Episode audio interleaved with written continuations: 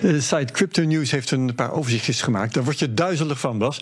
De altcoins, dat zijn dus de andere coins dan Bitcoin, die zijn dit jaar helemaal uit de doden opgestaan. De Ether bijvoorbeeld, die stegen in juli met 55 procent. En ook bijvoorbeeld Ripple en Cardano gingen met meer dan 50 procent omhoog in één maand. Crypto News heeft ook een lijstje gemaakt van de losers van de maand. En dan zie je pas echt wat een stapelgekke maand het is geweest in juli. Want kijk je naar de top 50 van cryptocoins en je zet de 10 coins op een rijtje die daarvan het slechtst hebben gedaan, dan zijn er maar twee in prijs gedaald. En er zijn er nog vier bij die in juli meer dan 10% omhoog gingen. Hmm, dat, is, dat is nog wat. Maar is dit een ommekeer inderdaad? Gaan straks taxichauffeurs en kappers weer massaal aan de crypto omdat ze moeten wachten op klanten?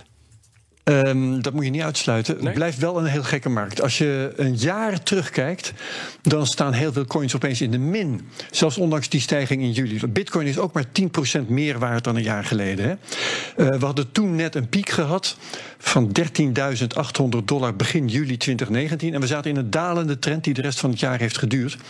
Dus als de bitcoin de rest van het jaar helemaal vlak blijft, staat die eind van het jaar opeens bijna 100% in de plus over het jaar.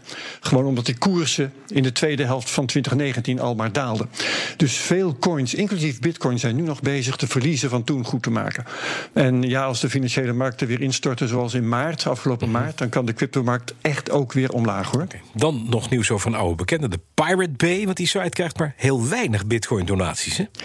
Ja, de Pirate Bay. Wat was dat ook weer? Ja, dat was die, site waar je ja. illegale filmpjes kon downloaden. Hè? De grote, ja, grote illegale downloads. Ja. ja, en Nederlandse internetproviders moeten hem blokkeren.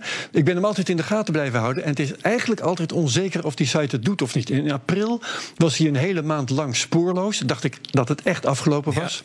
Maar intussen doet hij het weer. En de nieuwsite Torrent Freak is gaan kijken naar het Bitcoin-adres.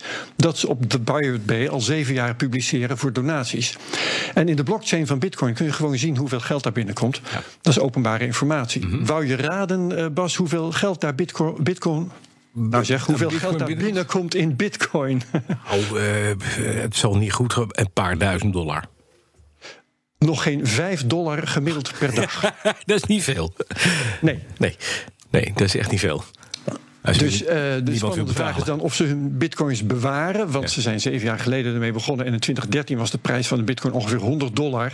Dus wat ze in die tijd binnenkregen, dat zou nu 100 keer zoveel waard zijn. als ze het hebben vastgehouden.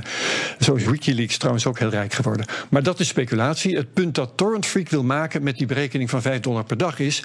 De entertainmentindustrie was destijds bang dat de Pirate Bay in leven zou blijven. dankzij allemaal van die niet traceerbare uh, donaties. Ja. En nou laat Torrent Freak zien dat die geldstroom weliswaar moeilijk tegen te houden valt, maar wel zichtbaar is. En dat het bovendien niet om serieuze bedragen gaat. De Pirate Bay heeft ook advertenties en ik denk dat ze daar veel meer mee verdienen. Duidelijk. Nog eventjes, wie zit er morgen in dit Cryptocast? We praten met econoom en crypto-pionier Paul Buitink. We gaan het hebben over een oud idee dat maar niet werkelijkheid wil worden. Een aandelenfonds dat in bitcoin belegt. Zodat je zou kunnen profiteren van de bitcoinmarkt, terwijl dat dan veel makkelijker wordt. Paul is ook voorvechter van een depositobank. Een bank die alleen maar spaargeld bewaart en geen risico's neemt, zoals commerciële banken wel doen. Dat idee is laatst in de Tweede Kamer door minister Hoekstra voorlopig afgeschoten. Dus we praten met Paul ook over de kansen dat zo'n bank er ooit nog komt.